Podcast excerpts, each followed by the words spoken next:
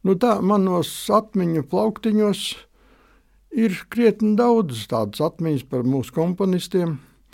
Nu, vienā tādā plauktiņā ir tāda paliela ziņu klāsts par Arvidu Žilinski. Arvidu Žilinski es pirmās reizes atceros kā pianistu. Bija kaut kādi pedagoģi koncerti, droši vien tie bija dārziņu skolas pedagoģi. Un interesanti, ka no tiem spēlētājiem es vislabāk atceros Arvidu Žilinsku. Viņš spēlēja savu darbu Labrēņģa gada tirgu. Nu, tas man likās tāds fejerverks, ka viņš tur pie tām klavierēm darīja brīnum lietas. Tas man tā kaut kā vienmēr atmiņāja. Un tā es viņu tā iepazinu pēc skatu un pēc spēles. Un tad, kad es iestājos Latvijas konservatorijā 1957. gadā, tad es nokļuvu viņa obligāto klavieru klasē, vispārējo klavieru klasē, kā tagad saka. Un tā es kļuvu par viņu skolnieku klavierēs. Un tad jau tās satiksme bija tuvāk, Es viņu tā varēju vērot, un viņš bija ļoti tāds uh, zolīts. Mūsu profesoru to laiku, laikam viņš vēl bija docents, bet tā vidū viņš vienmēr izcēlās ar savu tādu stāju. Vienmēr drusku steidzīgs, vienmēr portfels rokā. Man viņš deva grūtus darbus spēlēt, uh, ar kuriem man bija krietni jā, jāpacīnās. Viņš pārāk tā neiedziļinājās kaut kādās tehniskās lietās, jo es biju izgājis diezgan labi klavieru skolu dārziņu skolas gados. Es mācījos pie tādas Ernsts Kakses. Viņa bija Šuberta studenta bijusi, un viņa bija saka, ļoti prasīga. Dabūja spēlēt visādus vingrinājumus, gammas, arpēģijas, visu dabūja izspēlēt. Viņa man bija diezgan labi sagatavojusi. Tā, un runājot par Kakses kundzi un par Šubertu, gribas vien tādu dzējolīti atgādināt.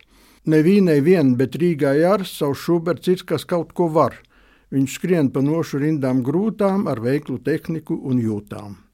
Nu, es nezinu šī dzējolīša autoru, bet es zinu, ka tas bija apakšā tādam šaržam, ko zīmējis Valērijas Zosts. Viņam bija ļoti daudz tādu interesantu šaržu, un tajā skaitā arī par Paulu Šubertu. Tātad es mācījos pie Arvida Žilīnska klavieres, un tad viņš man iesaistīja savos koncertos.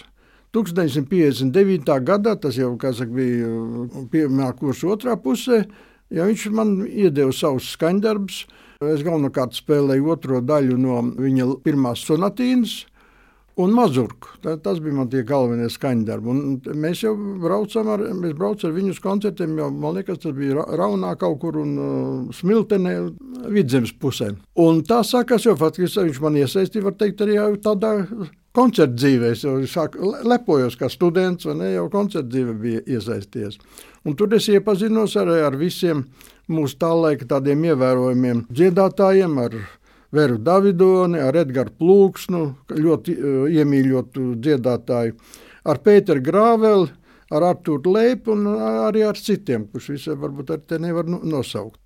Nu, lūk, tā, tas bija tādi studentu gadi, tie koncerti, Un tad, kad es aizbraucu nākošo gadu, es jau biju Maskavā students.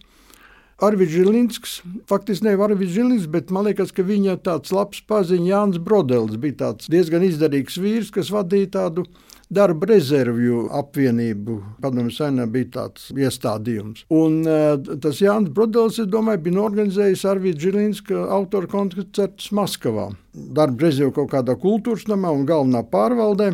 Divi koncerti bija. Un tad uh, Žilins griezās pie manis, lai arī piedalos tajā koncertā un, un, un tur nospēlēju. Par to man atmiņā vēl ir tāds, par piemiņu palicis tāda kartiņa, kur viņš man sūta par to, ka, kad tie koncerti ir un kad viņš ierodas Maskavā un kad mēs varam sarunāt tur mēģinājumus. Un, un tā tur tā, tie koncerti notika. Tur piedalījās arī Vera Singajevska, Margarita Pērkone un vēl tāda kaut kāda sarodskolas meiteņa ansambls no Rīgas. Un tā kā humorēs var pieminēt, ka vienā no tiem koncertiem arī piedalījās Josifs Kopzons. Nu, lūk, un tie uh, koncerti noritēja un uh, ļoti, kā saka, arī veiksmīgi. Un, nu, tad uz kādiem gadiem man tā sadarbība tā pārtrūka, bet pēc tam jau pēc atgriešanās Rīgā atkal es diezgan bieži piedalījos uh, Arvīdas Žilinska autora koncertos dažādās vietās. Viens no tiem pēdējiem koncertiem bija 1985. gadā viņa 80 gadu jubilejā Rīgas 3. vidusskolas zālē. Tas bija, bija mūsu pēdējā kopējā uzstāšanās. Un faktiski visās tajās, visās tajās reizēs galvenokārt pats autors bija pie klavierēm. Un var teikt, ka ar viņu bija viegli spēlēt. Viņš, saka, ļoti bija tāds iejūtīgs arī pavadītājs. Tā kā tā sadarbošanās, faktiski tas punkts bija 85. gada jau jubilejas koncerts. Nu, manā tādā skatījumā mm, Arvīds Žilins bija patiešām īsts tautas mākslinieks. Nevis pēc nosaukuma, bet pēc būtības. Viņam ļoti patika būt kopā ar publiku, un publikai patika arī viņš.